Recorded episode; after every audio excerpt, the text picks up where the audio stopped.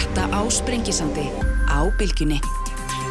Sæli hlustendur haldum þá hér að stað sem leðlikur á Sprengisandinum í dag. Með einefni þáttar eins og þetta snýstum stöðuna á Reykjanesinu, um, stöðu fólkstar, uh, aðlega í Grindavíkarsálsöðu, uh, þau verða hér á eftir, uh, verða hér heilmargir sem fjalla um þetta, Andri Már Olsson, ferðamálastjóri verður hérna, Conor Guðjónsson, Hagfræðingur, Guðrún Hafstinsdóttir, Dómsmálaráþara, Guðmundur Ingi Guðbrandsson, félagsmálaráþara, svo verður hér Fannar Jónasson, bæjastjóri Grindavík og Vinnbjörna Hermansson sem er fórseti allþýðu sambandsins sem við reynum að skoða þetta mál svona frá, frá fjölmörgum hliðum og, og reyka okkur í gegnum þessa, þessa sögulegu atbyrður á sem er í, er í gangi þessa dagana. En ég ætla að byrja á reyndur á allt öðrum stað því að hér er komið til mín gammal kollega Þorral Valdur Friðriksson fréttamaður fyrirhandi og, og rittuðandur sætla blessaðara æfinlega Vel, velkomin takk, takk.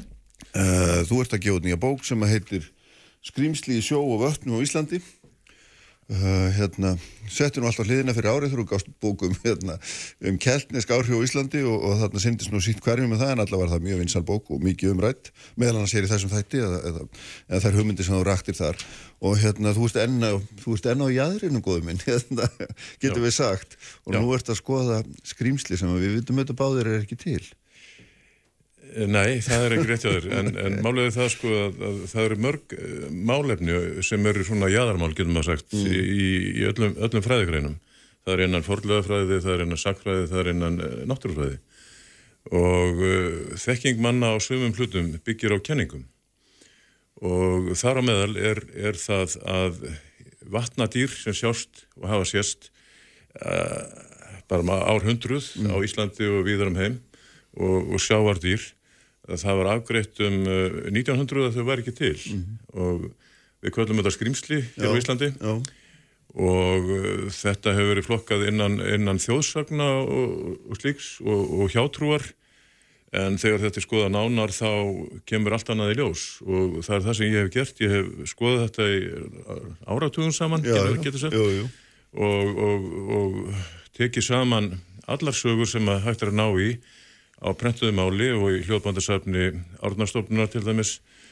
Og einnig þá uh, ringdi ég mig, getur sagt, í gegnum allir heimil Íslands á sínum tíma fyrir 15-20 árum. Já. og náði mjög uh, mikið af sjónaváttum til dæmis síðustu afbúðandur í flestum breyðafærðarlegum og spurði um, um skrimsli og, og þegar fólk heyrði að ég var að gera þetta í alvöru, var ekki að grínast mm. eins og týrkaðist eða, eða, eða gera, gera lítið úr sjónaváttum þá fekk ég að heyra, heyra þessar sögur sem ég skráði.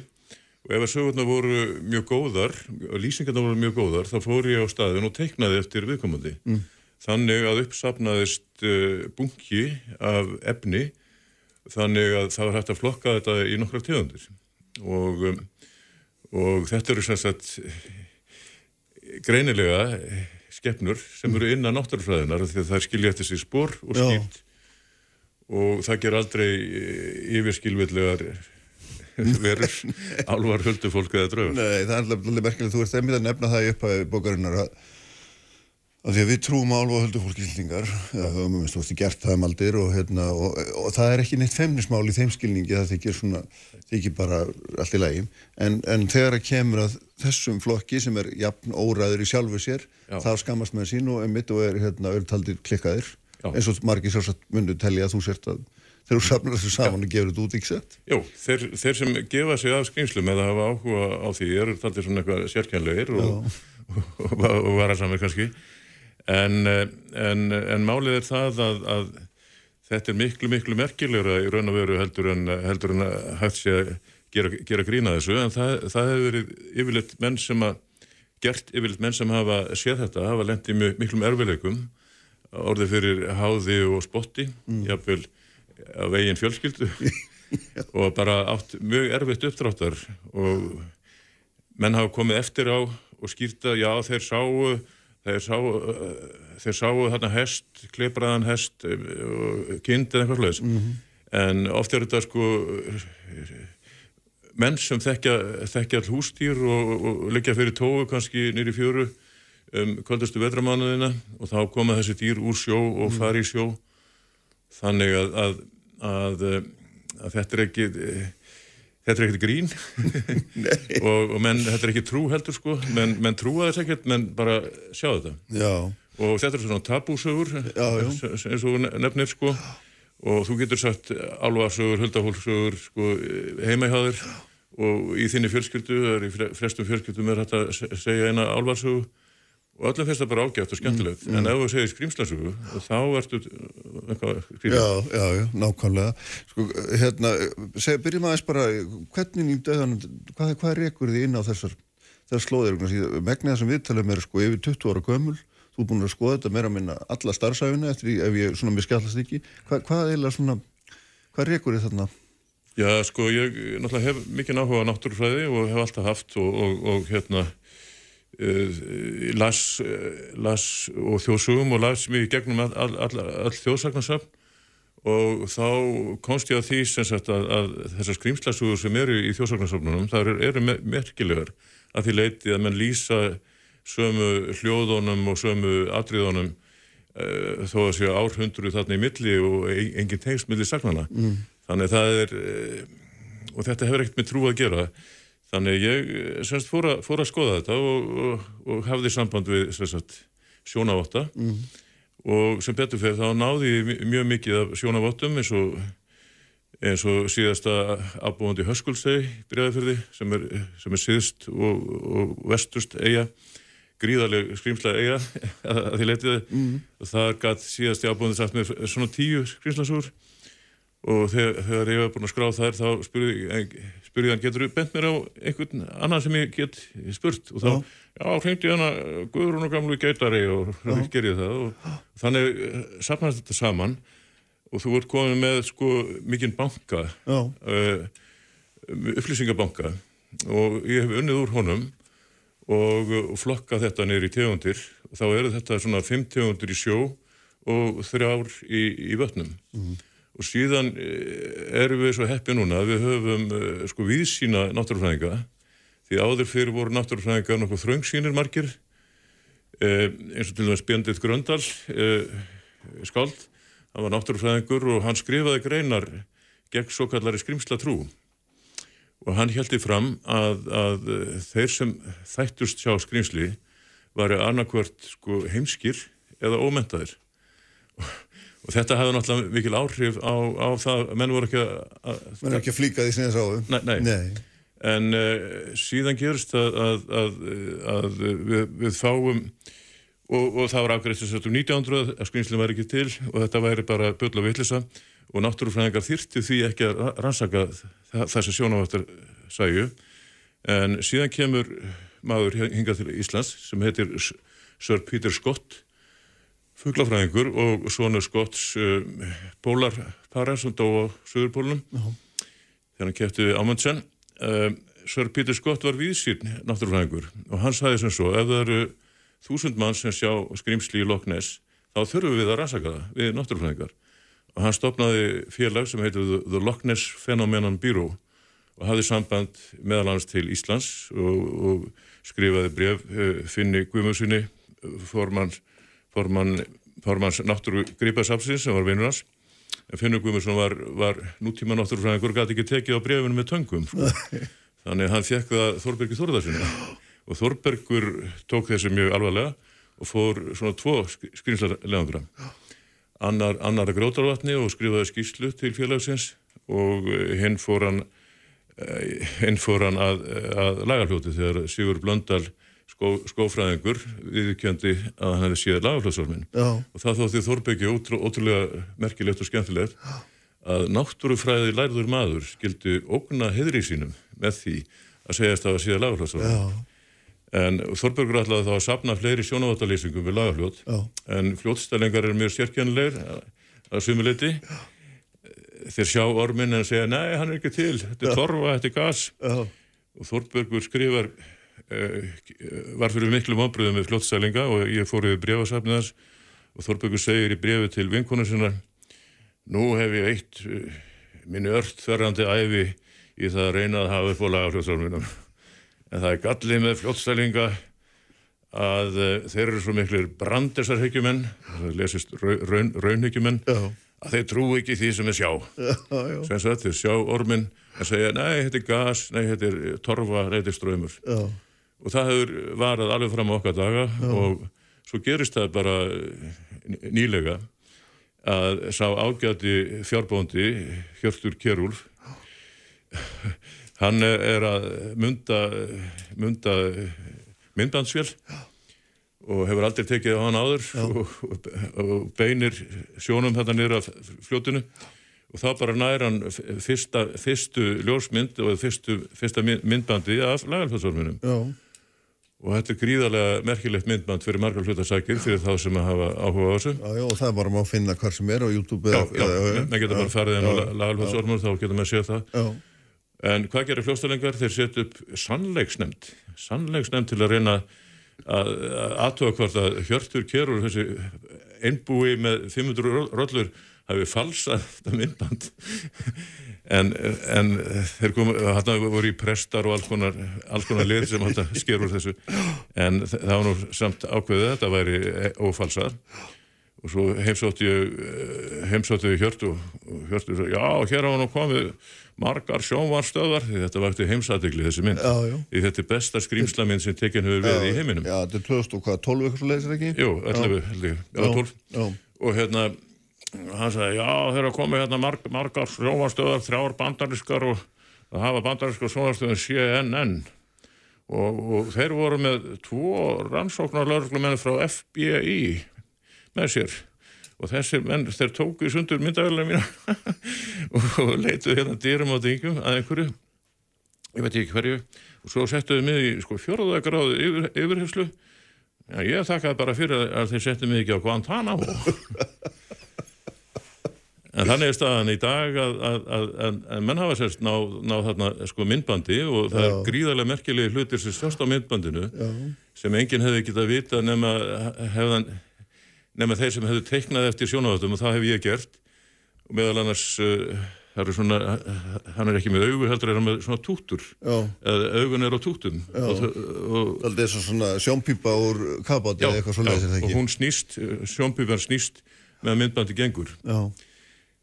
Og uh, og síðan hafa menn uh, fyrsta sinn náð, náð myndum af spórum gríðar miklum skrýnslasporum í, í Patrísfyrði og síðan hafa reikið hræ og eitt, eitt hræ á fimmbagastöðum e, á ströndum. Og allt þetta mm þetta myndar sko upplýsingar sem enn höfðu ekki áður.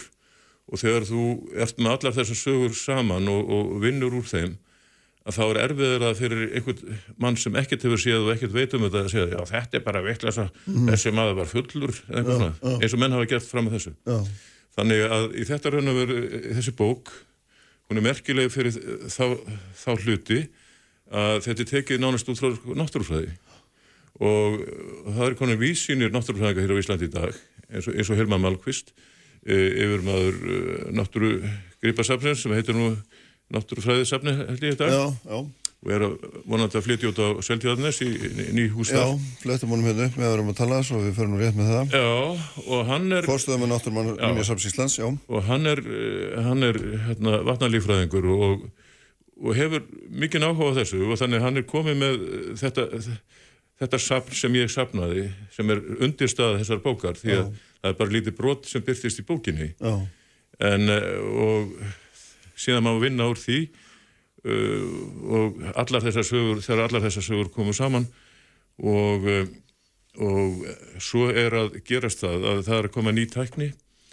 Í bandarækjanum hafa menn sko tekið farið með eitt vasklas út í út í vatn, stöðuvatn eða fljót og uh, tekið síðan DNA síni úr, úr þessu vasklasi og þá ferðu erðaefni allra dýra sem eru í vatninu, eða hafa komið náttúrulega vatninu, allra fiskitjóðunda og annara smádýra. Og það stendur til að, að þetta veri gert e, núna, það, það eru er kominir e, samstags aðilar með það, e, vísindamenn e, úr völdum skrýslagvatnum hér, það er til dæmis eins og kvalvatni í kvalfyrði og, og, og, og hérna hest, hestvatni sem er eitt aðarskilta Hvað er, þú veist þú tala náttúrulega um það í bókinu líka þetta eru, eru til sérstakar skrýmslaslóðir þar sem að skrýmsli eru miklu algengar en annar staðar Já. og, og hérna, hví, hví skildi það vera hvað hva veldur því að skrýmsli er einu vatn en ekki öðru Já. það lítur að svona rekja hrekja hérna eða með svosti, já, rýra kenningarnar. Það eru, uh, það eru skrimsli í, í, í vötnum sem að, sko, er um sko, 100 metra, 100 metra djúb sko. Uh, til dæmis lagarfljót sem það eru yfir 100 metrar á vissu stæði milli, milli Hallandstaðar og Geitigeris og síðan eru er skrimsli í Skorradalsvatni og Haukadalsvatni. Og þetta er allt sko gamlir sjávarbotnar sko. Undir, undir þessu vötnum er, er, er sérlagarstaplar miklir og ef þetta eru ormar sem að sjónavottar lýsa að þá er þetta ormar sem gæti alveg lifað á þessu, á þessu sjávarseti nákvæmlega bara eins og ormar ormar á landi lifa á mold eitthvað slíkt sko. og síðan eftir með sko Arnarfjörð sem er mjög djúpur fjörður, hann er um 100 metrar það sem er dýpstur og þar eftir með eitthvað flottasta skrimsli Íslands sem er eh, kallaði faxi eða ennsku kallaði mer, merhors. Og það er langhálsað það er með gríðastór uh, djúpsjáaraugu og stutt andlit eins og dregi, vígtent og með svona tauma eins og kemur sko dregi -hmm.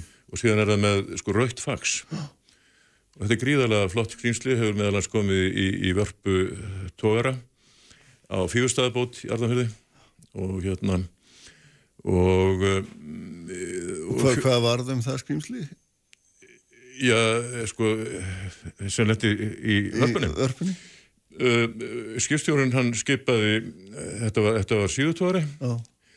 skipstjórun skipaði mönnum að, að sker, skera það úr vörpunni af því að það var að kolvatóðarinn Já. og áttakallar fór út á dekk og, og þá spjó skrimslið á þá eimirju og þeir brendust allir en það gott varið sig með guðurspúlum og uh, náða að skera skrimslið úr vörpunni og Um þetta, þessa atbröður á sér þessi menn allir sammála. og tógarinn, tógarinn tók stímið inn, inn, inn, inn á Bíldudal og þar eh, tók á mótuðum læknirinn Þorbjörn Þórðarsson Já. mjög merkur maður uh, frægur læknir og, og, og gerði það sárum þeirra og uh, fjöldimanns hef, hefur séð þetta skrýnsli sko, eða þessa tegund sko Já. Rauð, rauðmakkað mm. Þorbjörn Þórðarsson er mjög uh, merkur maður því einn dóttur hans var var hérna áper hjá Tolkien og sá hann um alvarsögur og, og slíkt Já. og Björn Þorbjörnsson var einhver frægasti skurlagnir í bandaríkjónum og skar upp Reza Pahlavi síðasta keisara Írans. Og hann lifði það af en, en svíðan skar hann upp Andy Warhol og Andy Warhol dó. Og það var gríðilegt mál og, og, og byrkist í fórsíði fréttum New York Times. Já, já, já. og hafði það mál gegn Byrni Þorbjörn sinni en uh, hann var síðan síknaður af því að Andi hafa bara þótnað upp hann gleym, glemst það einhvers þar Já, áður við týnum Hann- okkur í hann- þessum. þó skemmtilega ótusnúningi sko þannig að ég hann draf ekki helsta, helsta nútíma listamann heimsins. bandarækjana þá. Heyrðu sko, ég veist, maður getur alveg sagt eitthvað, veist, þessa skrýmslasögur myndi maður segja að vera blanda þjótrú einhvers konar einfældni, myrkfælni ímyndunarafli, Nei, en þú, þú bara Nei, þú ekki- þekkt eitthvað fyrir það absolutt ekki sko. það, það er, það er Þetta, þetta eru sjónavattalýsingar. Þetta hefur, hefur ekkert með trú að gera, En ef þetta, ef, að ef, ef, eins og Þorbergur orðaði nú bara sjálfur og þú segir frá bókinni, ef að, skrýmslu væri til, af hverju eru þá ekki skrýmslavatn uppfull af skrýmslum og þau rekur á land og, og, hérna, og lippast niður í fjörum og framvegis ef þau hafa, eru, eru þarna einhver staðar á saumi. Já, sko, við getum tekið, við getum tekið hestvatt til dæmis, sem er mikið skynslavat Já. Og 1930 þá sást frá bænum Gelti og mjög víðar, sást þrjú dýr leika sér þarna. Og þeim var líst nákvæmlega þannig að, að, að, að, að hrefstjórn á Kiðjabergi, hann skrifaði í, í, í blöðin um þetta og bað uh, Bjarnar Sæmundsson sem það var mestur svona náttúrufræðingur að segja hvað þetta geti verið og Bjarni Sæmundsson skrifaði í, í næsta blað og sagði þar sem svona dýr er ekki til, þá hljóta að hafa verið selir. Sem er alg- algjört bull því að sjónaváttar sem ég talaði við lístu all, allt öðrum hlutum og, og vissu hvernig selir líti út svo gerist það að ég var skal ég segja þér, fór sem fréttamaður til Júgoslavíu uh, með hjálparstarfi kirkjunar og, og þar ferðuðust við með með uh, lúterska hjálparstarfinu og þar var Kanadamaður sem var yfirmaður þar og hann var giftur vietnamskri konu og ég spurði þau, kannist þið við skrýnslavægt hér í Júgslaug? nei, sagði þau, nei. En uh, hún var semst uppalinn í Hanoi Já. áður en að kommunistar tóku þar völdin. Og hún sagði í miðri Hanoiborg er vatn sem heitir Sversvatn og í, í því vatni er skrimsli sem búin að vera það í mörg hundru ár og það kemur upp á fyrsta fulla tungli í águstmánuði og sýsti mín hefur séð það. Og það er hvernig líst þú því? Já, það var svona eins og bátur á kolvi og nákvæmlega eins og þessum skrimslum er líst í Íslangu vatnum og í þessu hestvatni. Já, og svo gerist það að eh, líður og býður, ég er sendur að, að tala við vietnamskra viðskiptarsendinum sem kemur eitthvað til Íslands. Og ég spilði á eitthvað viðskipti sem er frekar leðilegt og fyrir, heyrðu þekkið þið skrimslið í Sversa, Sversvatni já, já, já, já. Það er búið að ná myndaði og það er búið að ná einu. Og þau gáðu mér sko adressu hjá dýrafræðiprofessor í háskóla og hann sendi mér mynda dýrinu og það er bara nákvæmlega eins og eins og skeppnundar í hestvatni. Og þá getur, getur við sagt sko, ef þú getur haft það, þeir, semst, í raunverulega fysiskt náð einhvers konar Já, dýri já, þarna. já, og það, þetta reyndist vera sko áður óþett risa, risa vatnarskjaldbaka af óþreytti tegund. Aha. og ef þú getur haft skrimsli eða sem sagt, lesist dýr af óþreytti tegund inn í miljónaborg í mörg hundru ár hvað getur það ekki haft í öllum djúpum vötnum Íslands sem enginn er að, Já, því að þú kemur hann inn á mjög áhugaverðan hlut sem er, þetta, sem er orðanótkurinn skrýmsli, að því skrýmsli er óverulraunverulega en Hilmar einmitt notar þetta dýr, orðalega um dýr sem við ekki þekkjum sko, sem, já, er, já. sem er þá einhvern veginn allt önnur allt önnur ella sko. Já, já, eh, já, já, ég veit að skrýmslið það, það nær yfir svona bara alls konar fígúrur sko Já. og svona, en, en þetta er, en í, það sem að ég er að fjallum, er að fjallum sko bara óþægt að dýraþjóðundir sko, Já, sem kalla skrýmsli líka sko, en, en, auðvitað bara kallaðu kannski eitthvað annað, en þau skipta sér nokkra flokka og þetta er margir merkilegir, eins og þetta, þessi, þessi faxi sem ég nefndi hérna sem er algengasta skrýmslið er, er, er fjörlalli já,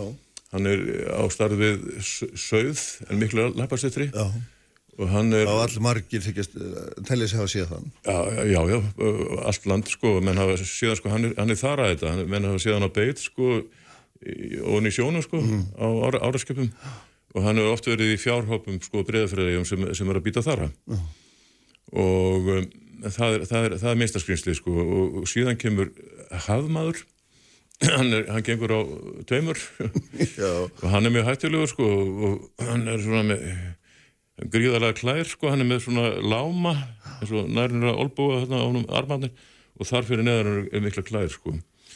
Og, og síðan er skelljarskrimsli og, og svo höfum við náttúrulega orma, það bæði ormar í sjó og í vötnum. já. En að hvað miklu leiti eh, tengjast þessar hugmyndir okkar, náttúrulega þjóðtrú og þjóðsögum eins og við ert sjálfur búin að nefna, en líka bara hugmyndum annara þjóða og sögusögnum um einmitt alls konar förðuveru sem er út að bara nákvæmlega nefna, sem eru með hérna langar klær og, og, og þetta er búið að endur taka, þetta er endur tekin minni, sagna minni gegnum hérna aldirnar. Já, sko, þú náttúrulega þú ert með sögur um, um skrimsli sko allstaðar úr heiminum sko. Og aðalega náttúrulega í Asju þar eru, þar eru drekar, landdrekar og sjódrekar og þú ert með vatnarskrimsli í Afríku, í Kanada allaveg Ogopogo og því ég nefndi hérna frétta mennsku þá var ég enn og aftur sendur að tala við yfirmann eh, kanadíska NATO-flótans sem að kom hingað. Og ég spurði hann eitthvað um svona NATO-herskip eitthvað svona og svo spurði ég hvað það kannast við hérna skrýmslið Ogopogo sem er frægasta skrýmslið í Kanada? Já. hann held nú það. Því hann var uppalinn hérna á, á bakkanum á því vatni þar sem Ogopogo heldur til. Já. og þetta var ekkert, þetta var ekkert grín hjá, hjá þessum her, herfóninga að, aðmjörali í kanadískjöfnum þannig að, að, að sko, þetta, er, þetta er allt annað stig sko. þetta er ekki, þetta er ekki þjóðtrúar mál ekki, ekki lengur sko. Nei. það sem er í þessari bók ef menn lesa þessari bók Já. þá er þetta bara uh, dæmi uh, sko, nokkur hundur sjónavattar sem lýsa skeppnum sem kom úr sjó og fari sjó. Og hefur ekkert með trú að gera. Nei, nei.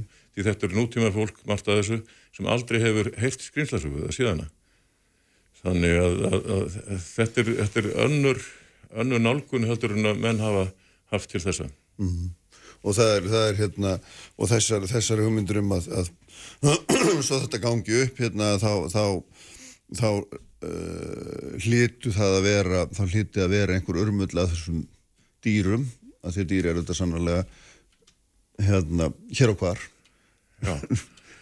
Uh, Sko það gerist hér fyrir nokkrum árum að það voru þrjú ríki hér af Ísland Grænland og Færiar svona hafranslunarskip sem að tóku sammeilan þátt í, í bóttirir rannsók og skröpuðu hérna bótnir hérna kringum Ísland. Og síðan farið með þetta hingað í land og alls konar vísnamenn voru að greina er skeppnur sem þarna fundust. Og uh, ég tók viðtal við Jörgund Svavarsson sem stýrði rannsóknunni mm.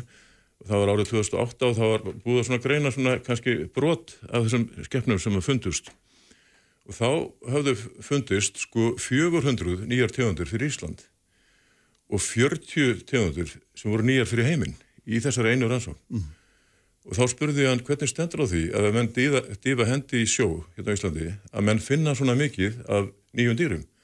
Þá sagði það nú eiginlega skömma að segja frá því að allt sem við vitum um þessi bóttýr er úr einum leðangri þar þegar danska varskipið Ingolf sildi hér í kringum Ísland árið 1874 Já. og það er það eina, eina sem menn höfðu árið 2008 þá heldum við að menn vissu einhver mikið um þetta, menn vissu nánast ekki neitt. Og þannig er það bara Þannig er einhver hulis heimur þetta niður sem við vitum lítið um eða eitthvað? Absolut, eh, sko, hafið er 70% af, af yfirborði jarðar. Og Húvilmanns sem er mjög merkur náttúrufræðingur hann hefur skoðað öll gögg sem að breski herrin og bandaríski sjóherrin hafa skrifað um, um, um svona skeppnur sem að menn hafa séð á útkiki í herskipum. Hann segir að það er minnst okkur nýju Eh, sko risa skrifsategundur í sjó, óþöttar nýju tegundur mm. sem hann sko e, kjænst að. Þannig að og annar vinnuminn fiskifræðingur Hárá Gunnar Jónsson hann saði mér, já þetta er nú bara þannig að við, við vitum nánast ekkert um, um hafið sko menn vita pínulítið um nýtjafiskana mm og, en síðan vita menn ekkert sko, um hvað er á 2000 metrar dýpi, hvað er á 4000 metrar dýpi, hvað er á 1000 metrar dýpi. En samt er að menn að finna sko, nýjar, nýjar dýrategundir og, og, og nýjar tegundir lífsforms eins og, eins og heitu, heitu hérna, hverjarnir mm. í, í, í dýpinu hérna fyrir sunnar Ísland. Þannig að það að þessi óþægt að dýrategundir uh, í vötnum og mm. sjó, mm. það er bara það er bara mjög ellett að, að gera ráð fyrir því. Þetta er samt einhvern veginn hugmynd sem er svona einhvern veginn rekst á nútímandaldið og raukfræðina og er, nei, nei, alls ekki, þetta er bara kenning, það er Já. kenning sem þú kannski hefur heyrst og þú trúir á að skrýmsist ykkur til, Já. það er bara kenning Já. Og ef þú bara tekur aðra kenningu að þau séu til og það þurfa að rannsaka það, þá ertu bara komin á allt annað svið. Það er það sem gerst er í þessari bók. Nákvæmlega, förum yfir á annað svið var ekki Þorbergur sem talaði um að skrýmsli getur verið líkamningar. Ég meina, hann, hann, hann var svona spiritísk. Já, já, akkurat. Hann náttúrulega, hann, sko, þekkingu okkar á skrýmslum er engin, sko, nánast engin. Ekki nema þetta sem sjónátt að segja. Já, já. Þannig að þú getur spáðið það. Hvað, hvað geta? Jú, jú, það, það eru þarraður þarna. Eintegundin, það vitað og svo, svo þessi faxi og þessi stóru skrýmsli í Arnafjörði þau skilja þessi spór og milli spórana er skítaklessur og skítaklessunum er, er mulningur af kúskell til dæmis, kúskell í aður Þar höfum við það Þú veit ennþá eftir eitthvað samfara mig en... Ég menna þú eru bara að kenna þig málið. Já, já, akkurat. Það þýr ekki að vera með fordóma. Bestu þakki þáraldum minn fyrir að koma innilega og hérna gaman að hitta þig og, og, og heyra þessar sögur allar. Uh, Við förum hérna uh, Suðum í sjó uh, til Grindavíkur og eftir byrjum hjá Arnarim á Ólafssoni sem er ferðamálastjóri og svo kemur Konrad Guðjónsson hagfræðingur og síðan koma fleiri gestur í kjölfarið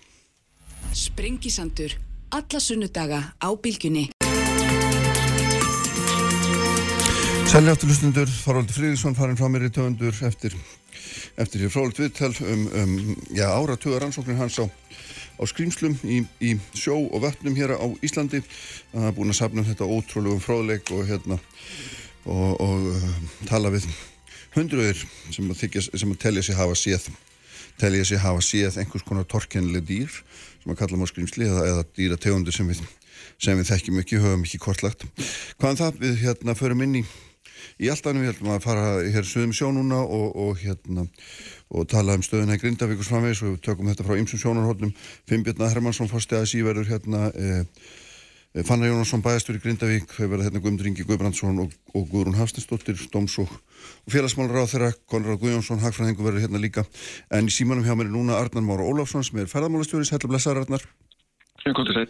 Sko það sem er auðvitað eitt af því sem skiptir máli í þessu öllu saman eru eru svona áhrifin á ferðarþjónustuna og, og þetta er eitt af stærstu ferðarþjónustu fyrirtökjunum, ekki bara það allstærsta fyrir utan flugfélag uh, staðsett hann í nágruninu, hvernig svona þú sem ferðarmálstöri, hvernig hvað er það að gera, hvað er það að hugsa? Já, það, það er mikið mætt á, á hérna okkur og flerum undir hana vikur. Og það er svona blasað við að þegar að hugtök eins og neðastig, rýming, heils, bæjarfélags, uh, yfirvóðandi eldgós og þess að það, þetta er nú eitthvað sem að svona færi kannski ferðarmenn til þess að hugsa tvísar á þeirra þeirra ákveða að koma til Íslands mm. og það hafa yfir á undanfennum, já, ferðum vikum yfir 40.000 frettir byrst á erlendum fjölumilum um, um þetta mál og þannig að það sem við hefum svolítið verið að einbita okkur að það er að, að skila bóð uh, séu rétt yfirvegu og samræmt gagvert elendi fjölumilum og áherslu lögða að koma uh, upplýsingum til skila að hér er einn staðbundun að byrja að ræfa röskunarflugi er mjög ólíkleg og Ísland sé sem fyrir örugur áfangastæður. Mm. Og er, þú ert, sko, í þessum tölu orðum er það ekki að setja upp eða, eða opna sérstaklega fjölmýrastöð, það er sannsagt slíkur ágangur að, að það þarf að setja upp miðstöð til þess að, að hérna, samræma samræma þar uppsingar sem að fara frá okkur um, um þetta efni? Já, það er rétt. Við erum að setja upp og erum að opna í dag fjölumilamiðstöð í Hafnarfjörði sem er sem sagt ætlið fyrst og fremst fyrir elandi fjölumilna sem eru stattir hér á landi. Við áallum að hinga hafi komið um 40-50 teimi fjölumilafólks að auðvitað en það er nú svo að þau eru óðum að hverfa til síns heima og áhugin er að minga tarfvert hratt Við erum að vakta í samstarfi í Íslandsstofu svolítið þessar byrtingar uh, um þetta mál og ég myndi hafi áallum að í dag séu kannski byrtingar umfjöldunum um þessa viðbyrju kannski einn tíundi af því sem það var um meða síðustu viku. Þannig að áhugin er að dvína mjög hratt bara í fjárhásum falli. Já, og hvort er það nú gott eða slemt?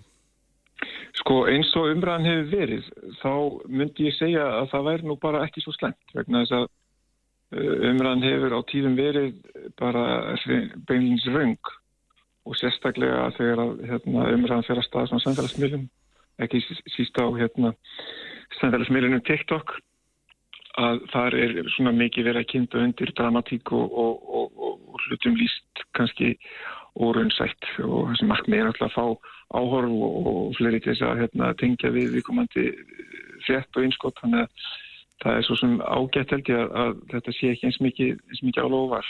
Nei, nákvæmlega og, en, en, og það er svona kannski dramatíkin sem að ræður ríkjum fyrst og fremst á þessum, þessum eigu, er einhver möguleiki að því þú segir því að þið reyna að leiðrætta, er, er, er einhver möguleiki að komast í gegnum gegnum þannig að frumskó af af, eh, hvað maður að kalla þetta falsfrettum, uh, hérna, ígjum og svo framvegis. Þetta er auðvitað gríða mikið verkefni en hérna það hefur aðgjörðápur sko verið að störum í þrjár vikur uh, um þetta tiltekna mál. Og við, við okkur hefur tekist uh, ansi ofta að, hérna leiðri þetta og hérna og fjölmir að bregðast nú yfirleitt mjög vel við því og, og bara gera það því það. En hvað hva, hva finnst þér? Ég veit að það er auðvitað spá í einhverja, inn í einhverja inn í einhverja óvissu þokku en einhverja ef að líkum lætur, nú talsmenn alveg varna búin að segja að það verður vantarlega ekkert jólahald í Grindavík og þetta hefur auðvitað mjög mikil áhrif mm -hmm. áfram hvaða svona hvað sjáu þið fyrir ykkur eða hvaða, svona, hvaða hugmyndir hafið þið um framhaldið ef, ef þetta, þetta óvissu stig varir fram á næsta ár?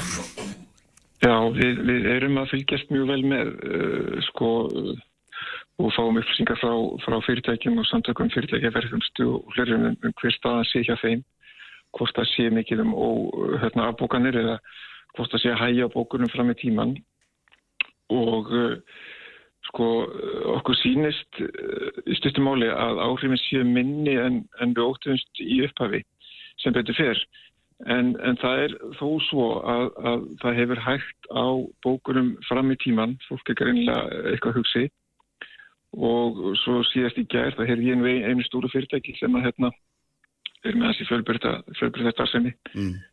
og hérna sko og það sem alltaf er eitthvað um afbókanir og núna í síðustu viku sko þá voru, fjöld, var fjöldi afbókana þrefalt nefnir það sem eðlitt er á þessu tíma ás. Ég hefði líka því að bílalegur er nú ekki ekkert í sérstaklega uh, hvað var að segja, góðu skapi þessa dagana út af þessu. Er ekki bara þannig. Mm. Þannig að, þannig að áhrifin eru uh, talsverð og þegar, er þetta, þetta spóiðspil nakkurat núna hvernig þetta verður alltaf Nákvæmlega, þau eru þegar komið fram með einhverju leiti sem sé og, hérna, og meðan þetta er svona ástandi er þessar óvísu háð þau þetta verður bara við varandi er það ekki svona lang, lang líklegast í það minsta Jú, hugsanlega en eins og við þekkjum bara af reynslu og þá, þá er sko færðumsta sem atumgrinn er, er tóltið fannig að hún er mjög viðkvæm fyrir skakkaföllum við kann fyrir já, breytingum þar hlutur eins og bara gengisbreytingar eða pólitískur óstöðuleiki vísar í heiminum eða, eða náttúru á þessu tægi já. en, en, en, en uh, samanskapið þá er aðtöngarið mjög fljót að rýfa sér upp aftur eftir, eftir að hægist á já, já. Það er náttúrulega eins og við vitum hún er nýbúin að rífa sig upp afturleifbúnum eða standa upp afturleifbúnum eftir, eftir COVID-i þannig að þarna Já, já, fyrir um krafti sko, það, það er alveg mjög ólíkjendum sko. Já, það er vonandi að hérna, það þurfi ekki að takast á við allt og mikla harmunga hvað þetta varðar en það er svo sem hérna, eins og þú segir þá þá eru þið greinlega, er, er, það, þið eruð inn í einhverju neyðaráallin þið eru í ríku sambandi við stjórnmöld, almannavarnir og eruð að byggja Já. bestu upplýsingu sem þið eruð að miðlasast út í heim til þess að fullvisa allam að hér sé allt í þokkalegu standi. Já, við virkjum sko þegar að þetta fór á neðarástand þessar umri viku þá, þá virkjum við hérna við bara allir stjórnald á ferri hljónstunar þá fer í gang svona ákveð stjórnkerfi ákveðna grunn einingar með, með ákveð hlutverk og tengingar. Og það er aðstöðurum eh, aðgerð stjórnferri hljónstunar sem að er svona um, yfirstjórnina og sam, skipti við samhafingarstöð SST skólis og, og, og, og ferri hljónstunar er þá orðin hluti af áhöfn samæðingar stöðar mm. Og svo samanskapi er uh, framkvæmda hópur ferðarþjónustunur sem að er uh, svona stærri hópur og, og þar kemur aðtumgreinin svolítið meira þar inn og þar erum við að tala um framkvæmd neða við bara sko, upplýsingagjöf til ferðarþjónustunar og upplýsingagjöf frá aðgeristjórn til ferðarþjónustunar og það framlega til kvartónum. Ég heyri að það er nóg að snúast og hérna öll hjólafullu. Öll hjólafullu. Ljómandi. Takk fyrir að með okkur Arnar og hérna gangi ykkur vel í, í, í þessu brasöldu. Takk að þeirri. Takk, takk. Og hérna við haldum áfram því hérna sestur hjá mér en Konrad Guðjónsson, hagfræðingur, sælblasa Konrad. Við ætlum að það að reyna að kortleggja svona áhrifuna hagkerfið af þessu öllu saman. Uh, er eitthvað hægt að, eitthvað getum við metið og hérna við vitum að það er nú náttúrulega nú svona Gæti maður ímynda sér að kemi tímabill þar sem að er einhver samtráttur og hægt að lakka vexti og verðbólka farið niður eða ég veit ekki, hvað finnst þér? Já, ég held að svona, sko, það náttúrulega er, já, gríðarlega óvissa og við já. vitum ekki hvernig hlutinni fara en svona við svona gerum ráð fyrir að kannski ekki alveg að svartasta rætist og til dæmis við verðum ekki eitthvað mjög alvarlegt tjóni í svartsengi að þá held ég að við séum nú ekki að horfa á einhver mikinn samdrátt fyrir hafgjur í heilsinni eða mm. neitt slíkt þannig að þetta breytir stórumyndinu þar ekki endilega en aftur, það er náttúrulega algjörlega háð því hvernig þetta þróast allt saman, allt saman já, já. þannig að ég held að við þurfum náttúrulega bara aðeins að býða og sjá hvað gerist, nú heyrir maður að, að þetta sé svona, hvað maður segja lítur kannski að fara að koma úrslita stund í þessari hrinu núna sko hvort að gísi eða ekki já. en varðandi verðbólguna þá því miður eru eiginlega svona, hel, svona heilt yfir alltaf það sem er komið fram núna eru eiginlega bara vondafrætti fyrir hana. Krónan er búin að veikjast, við erum að sjá fram á að, að skortur og húsnaði hefur náttúrulega aukist uh, mögulega einfallega bara tímabundið. Uh, það fyrir náttúrulega bara algjörlega eftir því hvað sem mörg hús eru skemmt í Grindavík og Já. hvernig verður þetta að fara þangað aftur. Og svo uh, hérna bara nefnd, sá ég bara fósettisar að tala um það gæra þetta myndi vera mjög dýrt fyrir ríkisjóð sem að, að óbreyttu eigur halla ríkisjóðs þannig að, að, að en við skulum bara sjá hvað kemur í ljós með það en hérna allt þetta er ekki gott fyrir verðbólguna -hmm. þannig að við erum í já, komum að segja, ekkit, ekkit sérstakri stöðu hvað þetta varðar mm. þetta er náttúrulega bara, þú veist, einhverju smámunni með það sem grindvikingar eins og er að hugsa Já, um já, sjálfsögum. Já, já, en allt hefur þetta eitthvað svona, einhver, einhver ytri áhrif líka sem að skipta líka máli þó ég, maður sé alls ekki að hérna, draga úr, já, já, draga úr þessum svona persónulegu áföllum. Já, já, og, og þó ég segi það að við, við erum að gera ráð fyrir því að vextir hérna verði óbreyttir næstkomandi miðugudag og það var svona fyrirfram fyr, þá vakst ákvörðun, þá var þetta svona spurning hvort þau myndi hækka um eitthvað aðeins um 25 eða 50 punkta en eða mögulega halda óbreyttu. Og jafnvel þó að horfinu hafa vestna svona þá held ég að óvissan um þessa þróun og hættuna við að eitthvað svona alvarlegra geri sem hefur svona viðtækar efnaðislegar afleðingar heldur en svona sé kannski endilega staðbundi við Grindavík að það og svo óvissa muni ha- halda aftur peningastefnin en að hækka vexti í næstu viku. En aftur, hún, hún er algjör, nefndin er algjörlega milli steins og sleggja því að, að fréttina sem hafa komið frá því að hún hitti síðast eru ekki heilt yfir ekki sérstakar fyrir verðbólguna. Nei, er, er þessi lækun krónunar, er hún beintengt við, við þessari, hérna, mm, það sem er að gerast á Reykjanesinu? Eða, eða er eitthvað annað á segði? Eða, eða Eh? Það er alltaf rosalega erfitt að segja því að náttúrulega það sem að myndar verð á krónu eins og bara öðrum þú veist bara verð á hlutabröðum með hvað það er er náttúrulega bara samspil ótrúlega ákvarðana marg, margna einstaklinga en það virðist frekar augljóst að jarðhæringarinn hefur áhrif hún veiktist mjög og var mikil veikingaþrýstingur uh, mánudaginn eftir þessar miklu átök þannig fyrir viku síðan og var búin að vera svona að byrja aðeins að síga uh, dagan og undan. Og það er mögulega er eitthvað annað sem er það að segja. Og svo líka kannski eitt annað sem spilar inn í allavega með okkar nýju hagspá í Arjónbanka þá vorum við gerað fyrir að krónan væri mögulega að fara að veikast eitthvað næstu árum ef það, það var kannski undirliggjandi þörfu á einhverju lítilsátt að leiðréttingu þar þá var þetta bara einfallega hún að koma fram. En, en aftur þá segja ég lítilsáttar að því að hún, hún er nú ekki búin að veikast um meira en heldur en kannski einhver hvað, 5-6% frá því í en, haust. en Sælabankin hefur náttúrulega núna verið að dæla peningum inn að marka er það ekki til þess að, hann, til þess að vernda, vernda Já, stöðuna hann, og hann hérna- gerði það á mánudaginn en svo, og svo veiktist hún eitthvað aðeins meir eftir það en síðan hefur hún aðeins náð svona stöðuleika þannig að ég segi, þetta er ekki verið einhverja stórkostlegar hérna, breytingar og þannig sé bara ég myndi segja eðlilega breytingar á, á gengi gjaldmiðils þannig sé, menna, það kemur alveg fyrir að, að, að gjaldmiðil veikist um einhver nokkur próst og nokkur dögum þannig að svona heilt yfir held ég að, að hún sé allavega á, góðum stað. Mm. og svona kannski búið að, að verleika einhvern veginn inn þessa óvist og þessa áhættu. Og svo kannski líka eitt sem er, hérna, mjög mikilvægt og bara lærdómur bara af því að fyrst með þessu svona krísum allavega frá ég mann eftir mér sko, sem er fjármálakreppan eða COVID eða eitthvað að inn í miðjum storminum þá sér maður yfirleitt ekki neitt um hver áhrifin eru og, og hvernig þetta fer allt saman. Þannig að þetta er síbreytileg staða og hérna hvað, hvað, hvað verður og hvað þarf að gera er bara eitthvað sem við, við verðum einfallega bara að læra smátt og smátt. Og þannig er, er einfallega staðan því miður. En, en svona hérna ég samt, hef, hef hérna fulla trú að því að, að, að, að það muni takast vel sko. Já, en það er náttúrulega fyrst og reynst sko, húsnæðismarkaðurinn sem skiptir máli í þessu samhengi og, það er- og ástæðan fyrir að maður vil skoða þessar, svona, þessar ytri, þessi ytri áhrif eru þetta það að það er sá markaður er líkil markaður í næstu kjærasamningum og, hérna, og, og staðan á honum er mjög flókin í augnablíkinu, það er oflítið frambóð, verðið er óhátt, við vitum að um leiða vextinni lækka þá mun verðið spýtast upp á við eða minnst þú veist er það afa líklegt það er minnst þú veist ólíklegt að gerðist ekki ef við gjörða það þannig. En það er inn í það samhengi sem að svona, maður er alls að, aðeins að reyna að hugsa inn í næstu mánu Já, ég held að þetta ljóði bara brína og hvort vekja ríki og sveitafélug til þess að, að virkilega gefa í. Ekki kannski sjálfu að fara í, í framkvæmdir heldur bara í því að liðka fyrir því að það sé hægt að breðast við allavega þessum bráða vanda sem þarna er að skapast. Mm. vandamál alltaf eins og ég segi sko, við, ég, veist, ég held, að, held að stjórnvöld veit það ekki og þannig sé ég mm. veit hvert raunverulega umfangi á tjóninu er og hvena fólk getur farið aftur sko.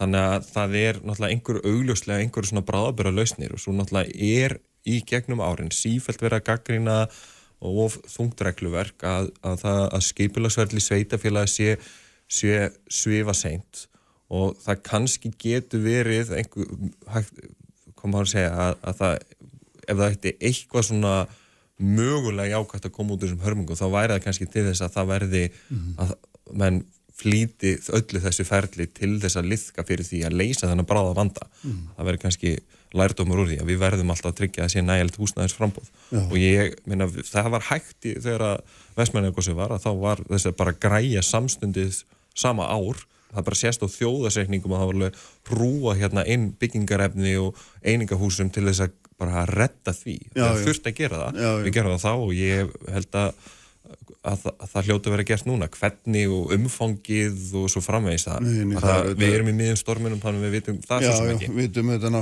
nákvæmlega ekki nýtt um það hver, hver þarfin eru þetta fyrir, mm -hmm. fyrir þetta en það er svona áhugavert samt sem aðra svona að hugsa um þetta inn í þessari mynd sem við erum að tala um í mm -hmm. frá degi til dags og, og, og myrna, eitt af, af megin keppikeflum uh, númanandi ríksvölduna var auðvitað að sína aðhald. Mm -hmm. það er vantarlega fókið Já, eða hvað, það er svona sjá, sjáum til, menna hérna, veist, þessi, það sem er búið að gera nú þegar og liggur fyrir það er þessi hérna, þessa, hérna þessi varnagarður það er, er í raun og veru full fjármagnað aðgerð, það er kostnæður áallæður og svo eru skallækning á móti. Og hérna þannig að við skulum kannski býða og sjá með það en minna augljóslega veist, er, er það margir sem að ágjöra því? Og ég held að, hérna, að það sé bara mjög eðlert en aftur við erum bara þeirri stöðu og við þurfum mm. aðeins að sjá betur hvað er framöndan nákvæmlega og hvernig þetta lítur út allt sem mann aður en þetta bara fell einhver að dóma um það. Nákvæmlega þau hérna kannski geta frætt okkur aðeins betur um þessa stöðu Guðrún Hafsinsdóttir og, og Guðmundur Ingi Guðbrandsson ráþærar sem að verða hérna eftir eftir regnublik. Takk fyrir þetta Conrad. Takk. Sprengisandur á bylgjunni alla sunnundasmórna.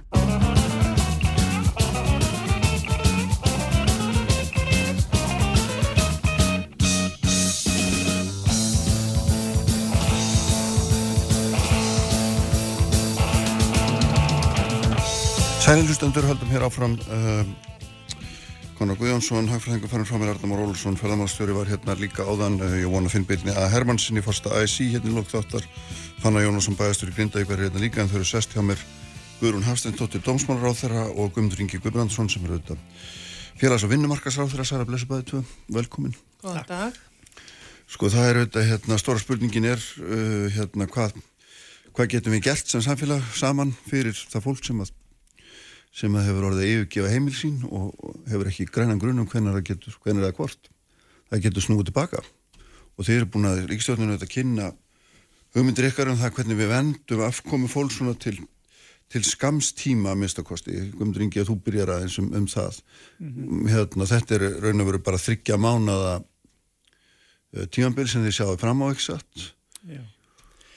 Uh, Ég vil kannski segja það fyrst að Við erum náttúrulega stött í einhverju miðri, jarfræðilegri atbyrgarráð sem við vitum ekki hvernig endar. Jú. Það er óvissan sem við stöndum frammi fyrir og í svona óvissu ástandi sem að hefur auðvitað mjög neikvæð áhrif á bara heilsu fólks, sérstaklega það hvernig fólki líður, þá er mjög mikilvægt að reyna að draga úr þeim óvissu þáttum sem við þá höfum stjórn á, mm. þó sem höfum ekki stjórn á náttúruhanförum. Uh, og þess vegna eru þau atrið í forgangi hjá okkur núna sem að snúa að afkominni, sem snúa húsnæðinu og snúa því að veita fólki svona sálfélagslegan stuðning.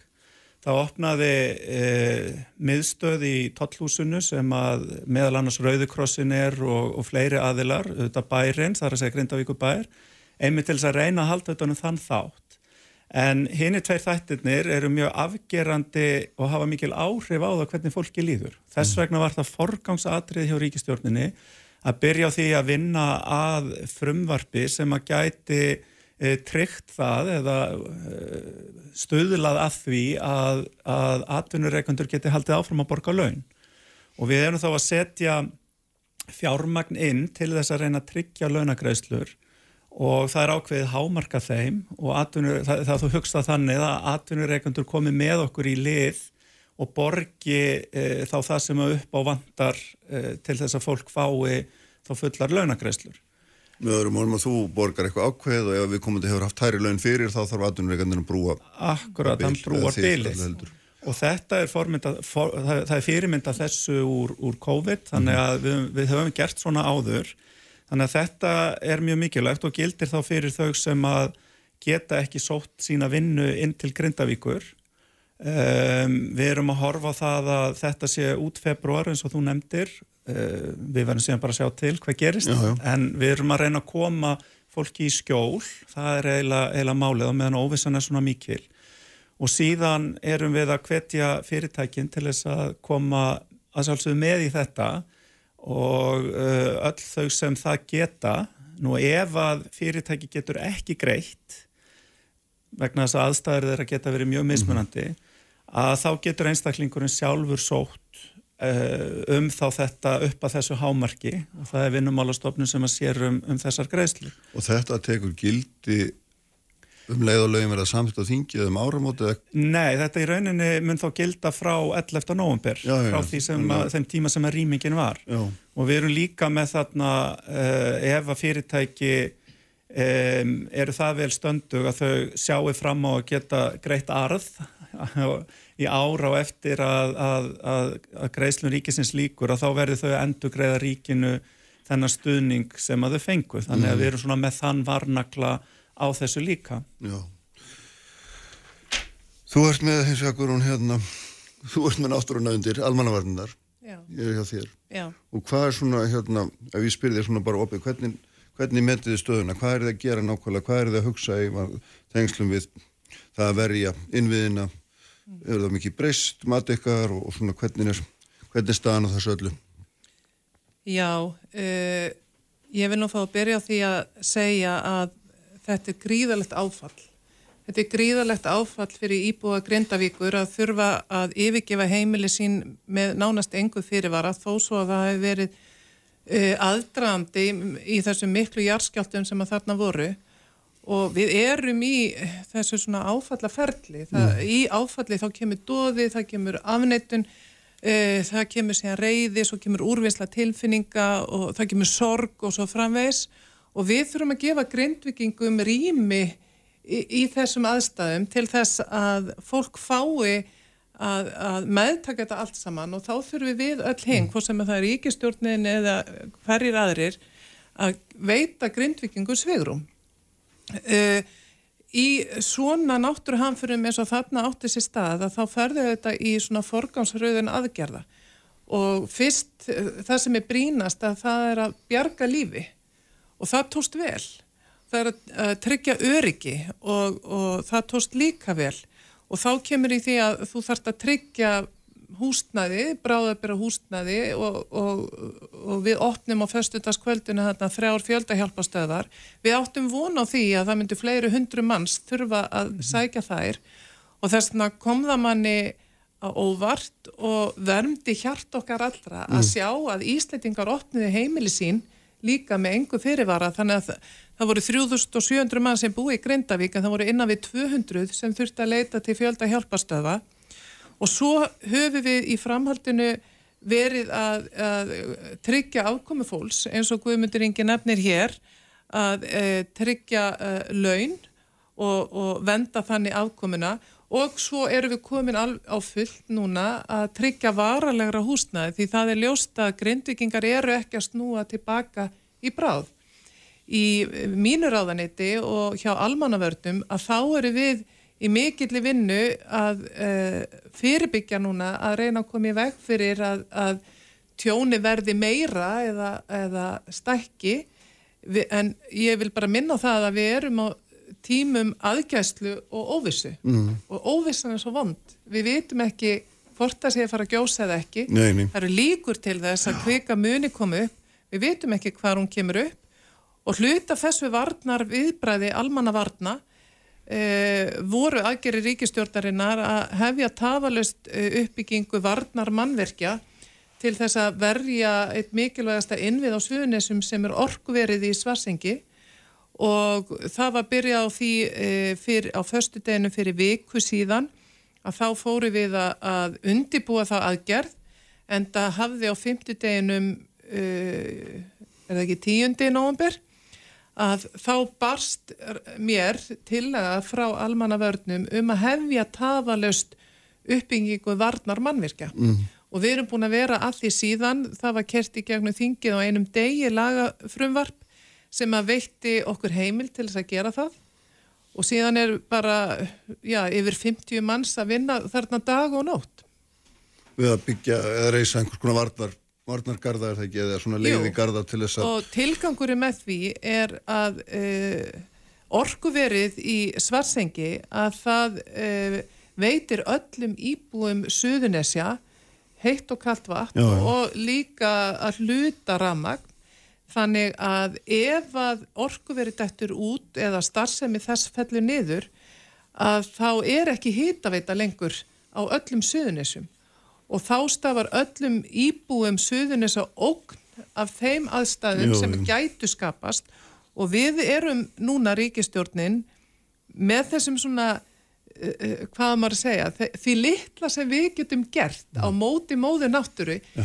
eru við með öllum tiltækum ráðum að reyna að koma í veg fyrir það að ástandi vestnið og tjóni verði meira heldur en nú þegar orðið er. En þetta væri náttúrulega staðar sem er gríðarlega erfið ef að orku verið í svartsengi hérna. Hún er gríðarlega erfið og grafalvarleg, sérstaklega vegna þess að við erum bara komin inn í vetur og, og ef það fristir ég menna allar lagnir sem það gerir öruglega það mun koma já, frost, það vitum við já, já. og hérna þannig að e, þessi þáttur er gríðarlega mikill áhættu þáttur í mm. þessu sviðsmyndum sem við erum að horfa á En sko fyrir viku þá, þá var Víðir hérna Reynisson hjá mér og þá saðan svona varlega að fyrir engin heim næstu tvær vikurnar mm -hmm. svo leiði vika, þá fór hann að tala um jólinn og hérna mér skilt að þetta sé einhver fræði í svona krísum, það er að skamta upplýsingar þannig að fólk hérna verði ekki of óralegt, en nú erum við komið með tímasetningu sem er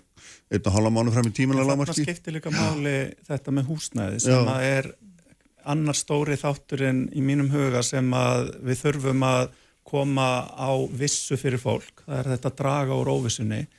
Og þar, þetta eru um 1200 íbúðir sem að um er að ræða í Grindavík. Þannig að það er svona heildarmengið það er haldið mjög vel utanum þetta hálfu sveitafélagsins með aðstóð ríkisegna, eh, innviðaráðunetsins, HMS eh, þar að segja húsnæðis og mannverkastofnun og fleiri aðila og um, í rauninni er búið þegar, eða staðan var þannig í gær, var búið að koma um 130 íbúðum í, í gagnið fyrir mm, fólk mm -hmm. og einhverja 600 sem að voru á bygglista. Þannig að það er búið að vera að sapna saman hvar er hægt að koma fólki fyrir í uh, húsnæði eins og staðinu núna. Það getur verið húsnæði sem að um, eru á vegum stjættarfélaga eða íbúðarhúsnæði sem er verið að taka í nótkunn, mm -hmm. uh, jafnvel eitthvað sem að verið er að leia út og svo framvegis og framvegis. Og þetta er gríðarlega mikilvægt atriði vegna þess að eina grunn þörfum mannsins er það að hafa skjól og hitt er síðan að hafa eitthvað að borða, þar að segja mm. hafa í sig og á og það er þá afkoman. Eh, síðan eru þá stjórnvöld að vinna líka að lengri tíma lausnum og ímislegt sem að verið er að, að skoða þar eh, til þess að horfa þá eh, til þess að mæta líka eh, óskum fólks hvar viltu vera? Kanski eru söm sem að vilja vera eitthvað staðar í návíi við fjölskyldur sína mm -hmm. eða ef að einhver sem að býr í Grendavík og er að vinna í Reykjanesbæ, við kannski verið í Reykjanesbæ þannig að þetta er svona púsluspil sem að, mm. að, að eh, núna er verið að vinna hörðum höndum að og síðan stjórnvöld þá að horfa til þess um, með hvaða hætti sé hægt að, að koma með einhvers konar húsnæði stuðning núna til að byrja með og það er líka mjög mikið atriði vegna þess að afkoman er ekki bara hún, eh, frumvarfi sem að ég mæli fyrir á morgun er ekki það eina sem að snýrað afkominni. Það er auðvitað líka það sem að, að snýrað húsnæði og þar koma þá til líka lánastofnanirnar og það, mm. er, það er samtal í gangi við lánastofnanirnar um að sjá hvort að þær geti lagt meira mörgum sem að ég tel að sé mjög mikilvægt að þær geri í því ástandi sem að uppi er núna. Já, hvern, Við verðum að ná saman að grýpa utanum fólk.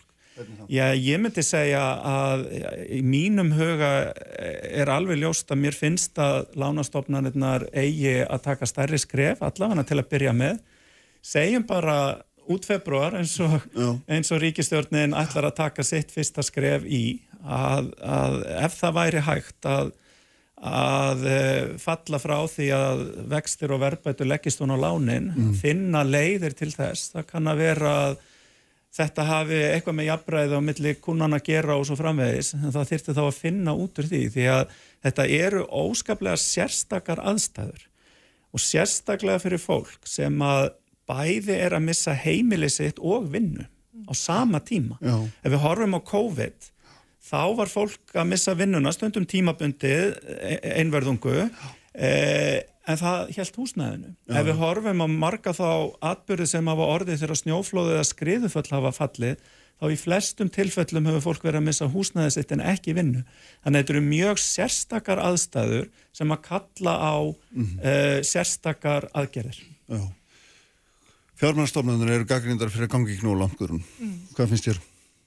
Já, ég get tekið undir þá gaggrinni og ég get tekið undir hérna orguðmyndar ynga að Ég held að fjármálastofnunni verði að, að koma nær fólkinu, nær sínu viðskiptavinnum og koma til mótsveiða með meiri hætti heldur en þau hafa tilkynnt nú þegar. Uh, hins vegar, uh, fólk stendur frammi fyrir því, eins og Guðmundur Ingi segi hér, mm. að það, fólk er búið að missa vinnuna sína og heimili sitt Já. og síðan er það með skuldbyttingar á sínum heimilum. Já. Og ég hef búin að hitta mjög marga grindvikingar sem eru nú þegar búinir að, að festa sér íbúðir af húsnaði og er að greiða háa leigu. Og það eru þetta nú má engi fara til grindavíkur. E, ríkistjórnin við erum búin að taka ákvörðum það að loka þessu svæði, það má enginn fara heim. Nei, nei. Og þegar að við tökum svo afdreða miklar og nöðsilegar ákvarðanir að þá verðum við að koma til móts við það fólk sem er í þeirri stöðu að það getur ekki farið inn á sín heimili, getur ekki búið þar og, og við þurfum að aðstofa fólk í ríkari mæli í þessum aðstæðum, já. Mm. Þannig að við myndum við hérna taka að okkur að eins og komið nefndi með sérstakum húsnæðastunningi það er þá til dæmis að, að hlaupin tilbaka með kostnað við legugreislur eða, eða annað þannig að fólk getur núna svona róa sig við að það kemur einhver og mun hérna mun hlaupin tilbaka. Það er líkil atriði að tryggja uh, það að fólk hafi vissu. Við, við þekkjum óvissuna, hún er annars vegar út frá uh, náttúruhamförunum. Við ráðum ekki við hana en við getum gert ímislegt til þess að draga úr óvissunum sem að snýra að, að uh, já, því sem við ráðum yfir mannlega þættinum. Mm. Og þess vegna er þetta frumvarp að koma fram núna, mæli fyrir því á morgun og síðan er verið að skoða um, með, með mögulegan húsnæðistuðning og það þarf bara að, eða ríkistjórnin er algjörlega eh, á þeim stað að ætla að grýpa fólk á samt sveitafélaginu því að gleymið því ekki að sveitafélagið er óskaplega mikilvægur aðili í þessu og kannski svo mikilvægasti. Já. og mér finnst þau hafa staðið sér mjög vel alveg með, hérna, með eindamum vel. Og saman þurfum við að, að ná utanum þetta og uh, fólk þarf að vita að við ætlum að gera það. Mm, það er verkefni nú Við megum heldur ekki gleyma því að það er réttur um vika síðan þetta gerðist. Já, já. og þetta er einar mestu hamfarir eh, bara Íslar sögunar uh, og sambarlegt við Vestmanni ágósið 1973 þannig að, að þetta er eiginlega fordama laust og, og, og, og við hérna og ríkistjórninu er mjög einhjum um það að vera styðjandi við íbúa Grindavíkur í þeim aðstæðum sem að, að grindvikingar eru í núna. Já, við gerum östu klíða Fanna Jónasson ætlar að koma sér fyrir hérna hjá okkur eftir aukstur augnablik bæastur í Grindavík. Sprengisandur. Alla sunnudaga á bylgjunni. Sprengisandur. Alla sunnudaga á bylgjunni. Sælilustendur, um, haldum hér áfram umfjöldun okkar um ástandið á Reykjanesinu í Grindavík. Þau eru hérna ennþá hjá mér Guðrún Hansensdóttur og Guðmundur Ingi Guðbrandsson ráþurar og svo í hópin hefur bæst Fannar Jónasson bæjastúri í Grindavík. Uh, Sæli blessaði Fannar og velkomin til okkar. Á fáum mönnum mæði meir en, en þér þessa dagana. Hvernig er, hérna er svona, getur maður spurt svo kjánulega, hvernig finnst þið staðan vera á þínu fólki? Staðan á mínu fólki er náttúrulega mjög mjösjöfn Já, og uh, ég náðu nú aðeins þegar ég var á leiðinni hingaði með þetta að heyra í þeim ráþörunum og, og hérna og fóru vel yfir sviðið um, þar sem að helst brennur á fólki að það er að komast í húsnaði sem að minnst okkost í það sem hortið til vikna og helst mánada, við erum að tala um svona sex mánuði um, kalt mat. Það er þitt kaldamat núna, sex mánuðir. það- vonandi er tíminn stittir en það en, en uh, við óttust það að veitukerfið, eh, skolpið, frálinskerfið og aukveðs bara kalda vatnið og, og rámagnið, þetta er svona, hefur verið svona stópul afhending eða mistukosti bílanir og við óttumst að það geti haldið áfram og ef að fráveitan er ekki í lagi þá þýðir náttúrulega ekki að fara allast til þess að, að eh, fólk búi í húsunum. Eh, Þetta á nú sérstaklega við þarna um, á þeim svæðum þar sem að sprunga liggur eftir miðjum bænum. Það er ástandið eh, vissulega langvest en við gerum ráð fyrir því að það þýð ekki að vera að tala um yfir hávetur en að fara honni og ný skurði þarna eða, eða grafa upp lagnir til þess að kanna ástand þeirra og, líklegt að því það verður að beita myndavælekerfi. Mm. Þannig við reiknum með því að svona uppbyggingin og endur bætunar hjá okkur ef allt finnur bara á besta veg verði svona frá vormánuðum, april, mæ og, og fram eftir sumri og fram á haust. Og ef allt gengur eftir þá ættum við að geta komið þessum kerfum í lag. En uh, mögulega væri hægt að fara að búa á uh, svona vestast og austast í bænum en uh, ég held að það þýð ekki að vera að gera rástafanir upp á stýttir tíma hvað búsetu varðar heldur en um, heldur en 6-8 mánuði. Vinnum með það. Já, Hva, hvernig svona, þegar hún nefnir þessa tölu, 6 til 8 mánuður, segir þetta við fólk, hvað, hvernig verður fólki við? Því að eitt er að flýja og svona halda maður komið heim eftir helgi eða kannski eftir tvær vikur eins og var satt hérna fyrir viku en svo núna satt í gæri það væri kannski ekki verið um jól eða eftir jól en nú ertu komið með 6 til 8 mánuði og Já sko það er, við verðum bara svona beita köldum mati. Það, þegar, það sem var sagt fyrir einni viku og jafnveil halvri viku, það er ekki endilega sínin okkar í dag. E, það er búið að vera að, að kortlækja þetta bæði skemmtir á húsum og, og veitu kerfum eins og ég var að nefna á þann. Og e, þegar ég sagði þetta, eitthvað svipa núna fyrir nokkrum dögum að þá kom fólk til mín heimamenn og sögðu, þeir eru takk fyrir að segja þetta fannar, það er betra heldur við séum alltaf í óvissu. Mm tala um það við ættingi og vinni að, að hérna, við þittum kannski nýðast á þeim uh, varandi að búa hjá þeim í fram að jólum, ég haf með fram með jól og gera sér svo vonur um að, að komast heim eftir það. Við verðum að bara horfa á þetta og, og vinna með stjórnvöldum að því að úrræði fyrir fólk séu í hálft ár í það minsta sem betur fyrir eru margi nú þegar búinir að útvega sér húsnæði til, svona, til þessa fram á sömarið en það er allt og stór hópur sem að, ekki er búið að, að finna úræði fyrir eða það fólk hefur ekki heldur geta komið sér, fundið saman stað í þennan tíma. Þannig að við ég held að sé bara það er einst, sko, jólinn framöndan fólk var fyrst að vonast til þess að geta farið heim. Þetta er óbúslega erfiðu tími og já, já og um, minningar og hefðir í jólana eru náttúrulega svo dýrmættar öllum. Bara jólaskrautið á hvaðina en, en við verðum bara að horfa til þess að það verða öðruvísi jól hjá okkur. Og, um, og síðan stöndum við saman að því að byggja upp okkar uh, glæsilega og, og, og flotta samfélag þegar að og byggðalag, mm. við erum ennþá samfélag grindvikinga en bara búum uh, öðru stöðum í dag heldur en heima hjá okkur Þannig að fólk bara þakkaði fyrir það, það er betur að fá Já. stöðun eins og hún er.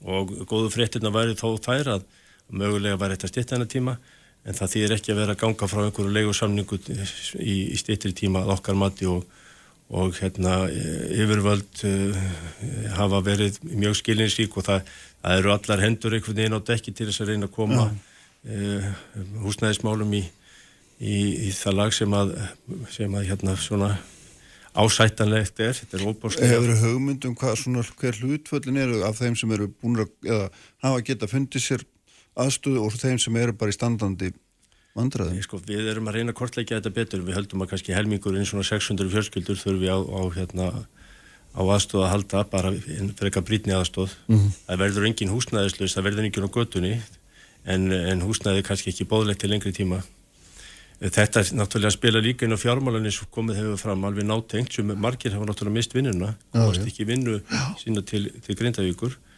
Og eins og Margot hefur verið talað um það þarf að gera bara verulega stort átak í því að fólk hafi ekki þessa fjárastlegu áhyggjur að borga lánunum sínum í húsu sem það getur ekki búið í og, Nei, nei, og er það sannlega bara ónýtt og, og hérna. Já, já, borga leigu líka og annar staðar og nýju stöðum það Ríkistjórnir hefur tekið mjög myndarlega á skari með það að þessu eh, fólki verði hjálpað mm -hmm.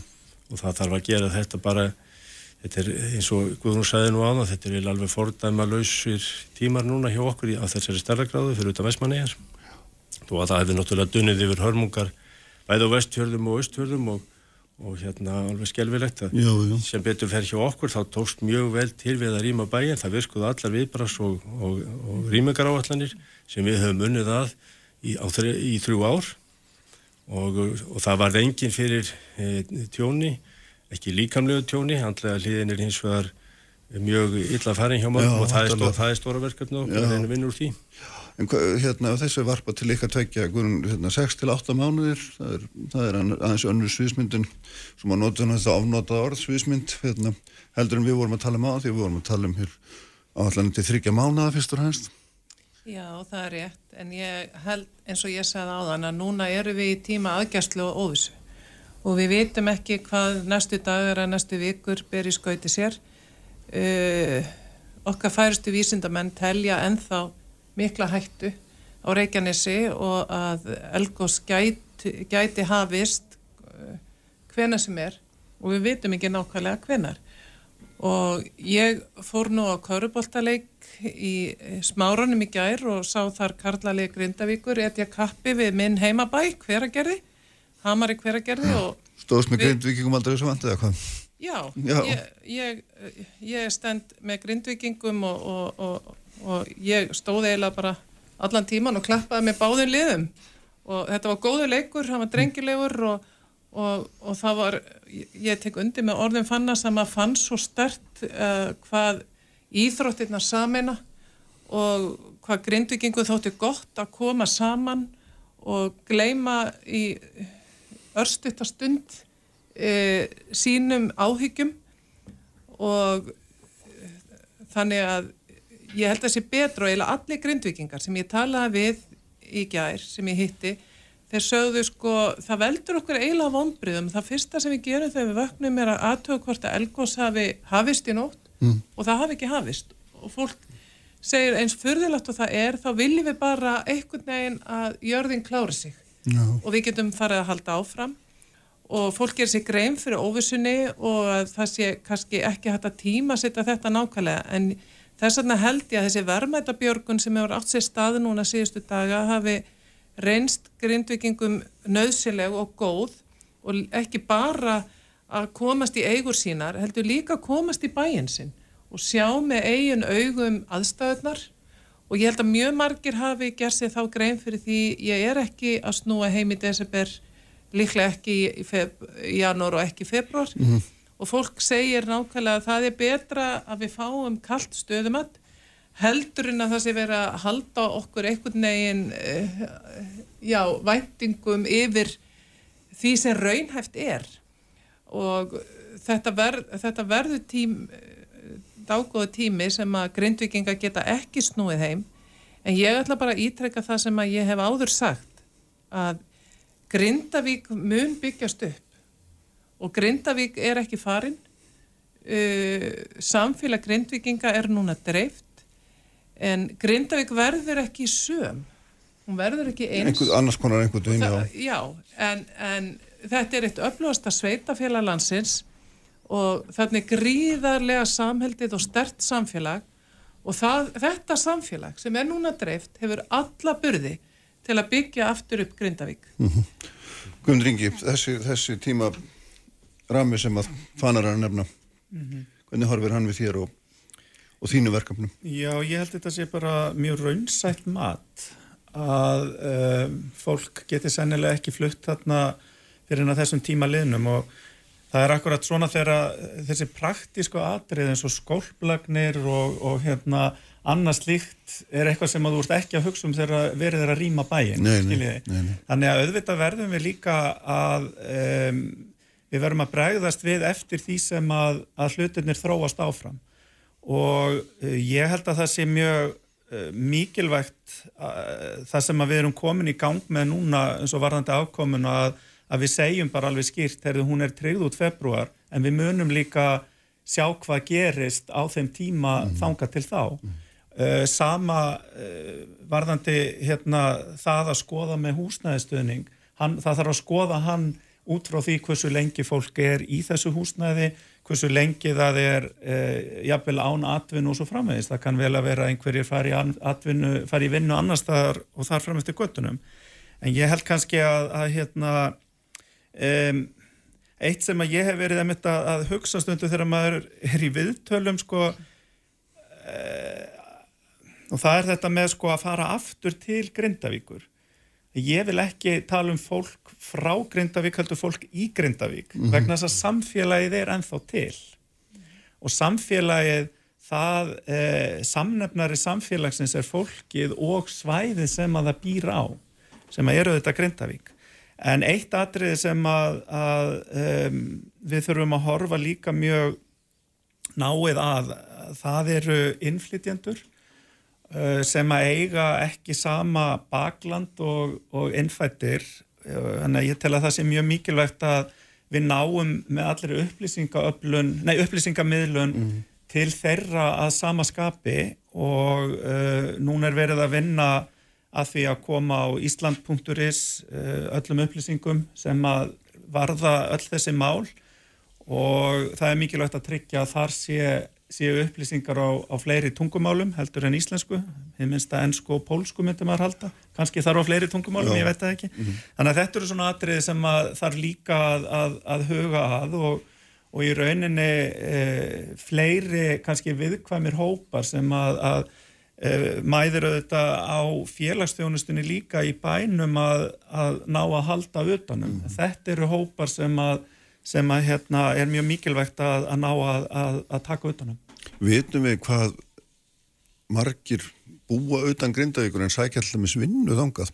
Er, er, það, er það kannski bara mjög fáir eða eða með einhverja hugmyndu það? Nei, nei, það eru, það eru þó nokkuð margir sem sækja vinnu til Grindavíkur og margir grindvíkingar sem að sækja vinnu eh, á höfuborgarsvæðið, Já, já. tjöflögur, flugut og svo framvegis. En ég er að hugsa um það sem að sækja vinnu í grindavík hún eru auðvitað horfin þó að mann sé ekki íbúar þar þannig að Það er, þetta, þetta er alveg, alveg tvöfaldur sko, eh, tvöfald eh, sjokk að þessu leiti. Já, Bláa lóni náttúrulega stærsti, uh, hérna, fjörf sóttast í ferðamannastæður landsins með 700 manns í vinnu líklega núna þar, þar eru tölvört margir grindigingar sem að vinna þar og pluss náttúrulega afleitu störfin öll og þjónustan sem að lítur að því eina fyrirtæki sko. Við erum með tvö af uh, sex öflugustu sjáurútas og útgerra fyrirtæki landsins í Grindavík. Og ég nefnt það að, að svona upp undir 10% af verðmæti sjávarafurða uh, landsins og útflutnings er, kemur frá Grindavík og við erum mitt brú stjóðarinnar þannig að þetta er öflug verstöð og hefur alltaf verið skipin geta landað annar staðar en það er engin vinsla núna hjá okkur. Nei, nei. það hefur tekist að, að bjarga afurðunum svona mestu leiti og, og síðan erum við bara með mjög öflug hérna, og framsækin sprótafyrirtæki og þekkingafyrirtæki og og ofbáslega margt í pípónu hjá okkur. Það er fullt af húsum í bygging og svo já, framvist þannig að, að þetta er samfélag okkar þarna nefnir nú Lísi náttúrulega sem er risastórt og og risastótt, já, já, Marín Kollagen sem er núna fiskaförðir og, og fleiri og fleiri fyrirtæki og líftekni og við erum þarna komið með fiskeldi á landi og við erum komið með eh, ræktun eh, hérna, skeldýra ný- nýlega Mm. komið fyrirtæki og svo mætti áfram telja. Það er verið að byggja hérna núna svona nýskupunar húsnaði 2500 fermetra það sem fyrsttekniskólinn okkar átt að vera inni. Það sáum við fyrir okkur eh, sko, mikla framtrúin og, og nýsköpun og mörgu tægi og mikill áhugi fyrir þessu þannig að þetta er óbáslegt sjokk Mhm. ekki bara fyrir okkur í Grindavík heldur Nei, bara nei. allt það sem það er í gangi öll þessi verðmætti þess vegna mjög mikið í húfi okkur tækist að endur þessa bæin okkur sem allra fyrst og, og koma að, hjólum atvinnulísu sín gang Já. það sem við höfum verið að reyna núna að fullum þunga það er að vinna með fyrirtækjunum um, að- um að koma sér einhvers stað fyrir og það eru óbúslega flott tilbúð sem eru að koma víða að stórum fyrirtækjum, höfuborgarsveðinu Suðunessjum, Suðurlandi það sem bóður upp á aðstöðu fyrir fyrirtæki til þess að koma til þess að geta haldið starf sem er náfram þeir sem eru svona smari atvinnureikandur og einirkjar, þeim er búið að koma inn á vestaði og inn í húsnaði sem til staðar er, þannig að það eru sko, samkendin og hjálpin og, og aðstóðin sem okkur eru berast úr öllum áttum er óbúslega mikil. Og, uh, og við erum einmitt að leggja áherslu á það núna til þess að reyna að rjúfa ekki þetta, þetta hérna, ráningasamband og þessa atvinnu fólksins.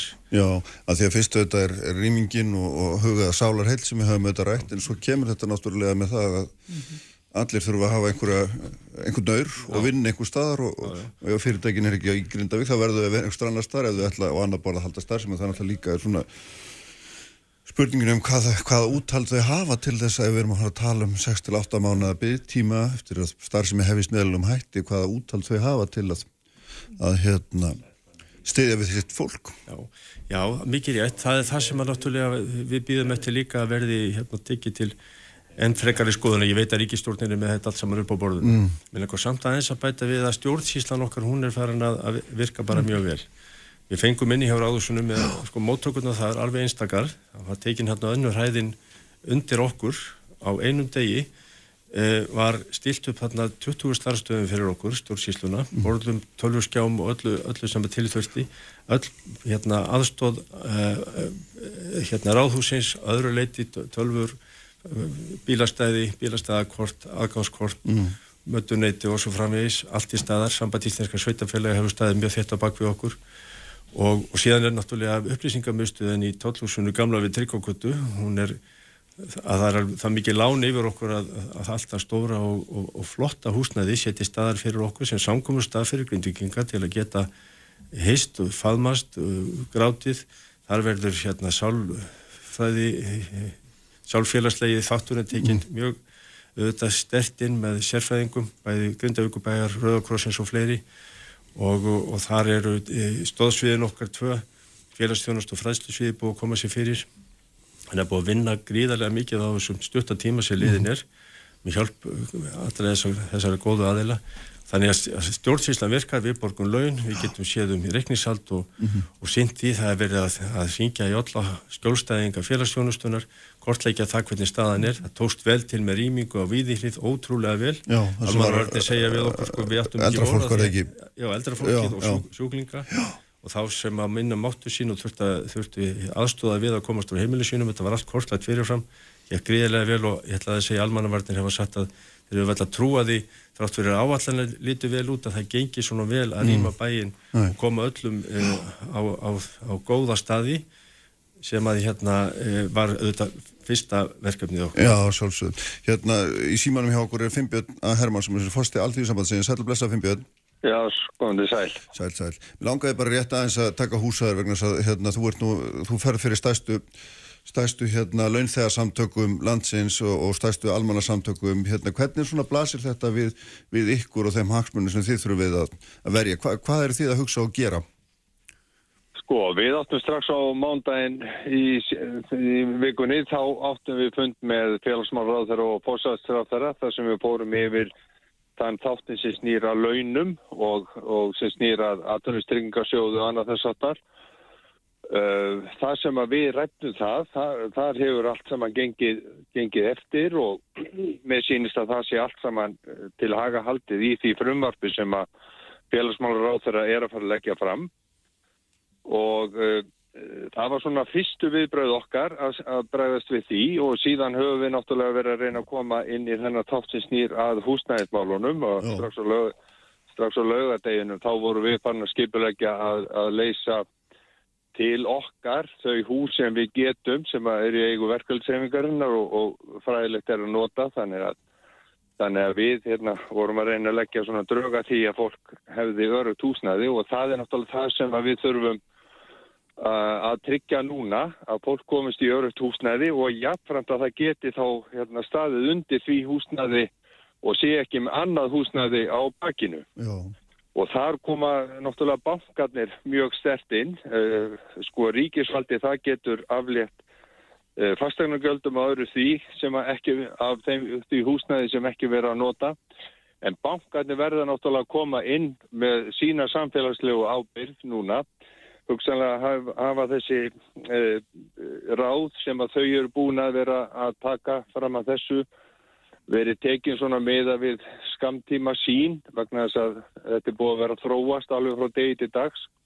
Hvernig, hvernig hérna eða hvenar fólk kemst heim og þegar að sínt er eins og, eins og fannar er að, er að stilla upp núna, þetta séu kannski sex mánuðir, þá verður verða bankakerfi einfallega að taka ákvörðun út frá þeirri sín og það gengur ekki að fólk sem er með sko tvær eignir í rekstri og það verður að koma til fristing á lánum þessa fólks sem er með, með hérna, þunga byrði að lánum og því að hérna, það gengur, gengur ekki hérna, að það sé að reyka tvær eignir Nei, nei. á þessum tíma.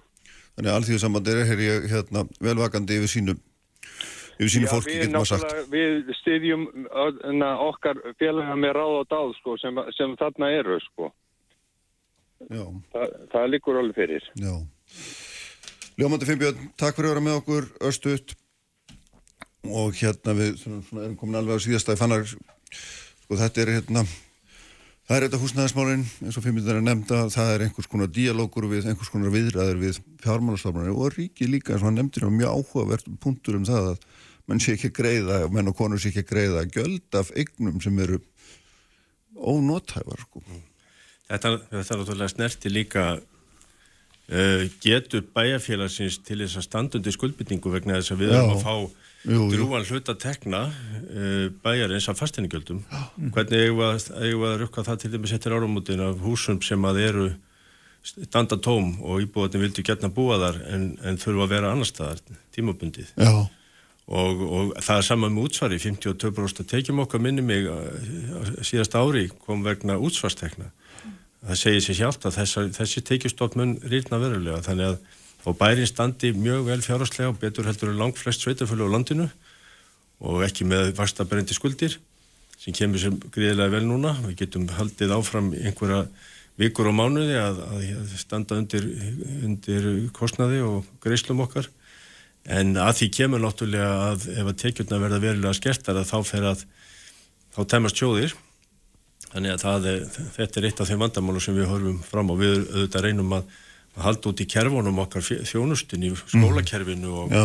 og, og, og velferðarkerfinu okkar sem er náttúrulega lang, lang stærstu pakkarnir en það, það tekur í Væntalega þarf að ræða einhverja, einhverja útgjaldaskiptingu, er það ekki þegar að ef að börn eru farin í skóla út um all land, hvernig þetta er, hver, hver borgar fyrir hvernig, er það Það, ekki? það sjálfsögðu, sko, við getum ekki ætlast til þess að sveitafjölu eins og viljú sem þau eru til þess að leggja mikið á sig og vilja allt fyrir okkur gera en þau er ekkert allt og burðu fjárhagslega heldur öll sömul þannig að það er ekki hægt að ætlast til þess að þau geri þetta bara óbætt fjárhagslega og bæring Grindavíkubær hefur ekki bólmagn endilega til þess endalust að þannig að þetta er, þetta er stór pakki Já.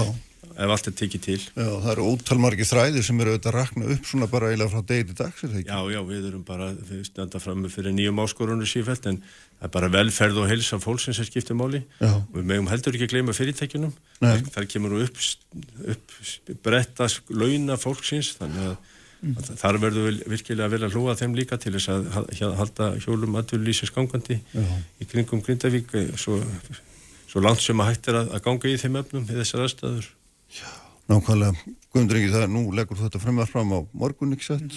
Það er svona fyrsta skrefið í að tryggja afkom fólks og svona koma einhverju örlítlu, örlítilli róa á, getur við sagt?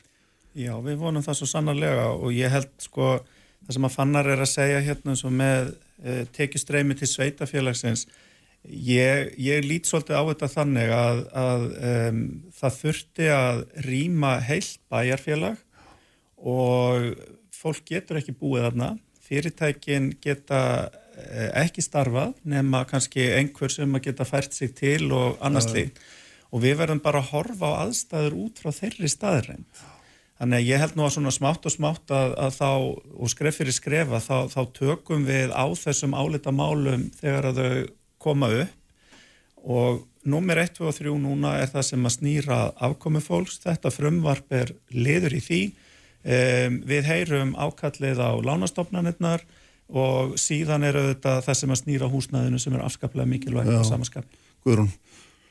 Já, ég tek bara undir það sem að eh, hér hefur verið sagt að e, það þarf auðvitað að tryggja afkomi fólks, það þarf að tryggja húsnæðið og, og svo er að koma alltaf ný verkefni á hverjum einasta degi, mörg á dag mm. Og það eru allir bónir og búnir til þess að, að takast á því það. En ég vil hér í blá lokin fá að benda á að nú er búið innleiða eina þjónustu gátt sem er einna í samfunnu við Stafrand Ísland, Ísland.is, þetta er þjónustu mistu almannavarna og ég vil hvetja fólk sem á eftir að fara í verðmæta björgun til þess að skrá sig þar. Þá sem ekki hafa fengið SMS eða simryggingu að skrá sig þar svo það komist inn til grindaveikur. Já, mandi, við látum þetta vera loku orðin bestu þekkir allt þú Guðrún Gumdringi og, eh, og Fannar. Og svo þetta Fimbjörn sem var í símanum sprengisendurum er lokið í dag. Ívar Davíðsson, Ívar Davíð Haldarsson var á takunum eins og vennilega svo erum við eftir með ykkur eftir viku, verið sæl.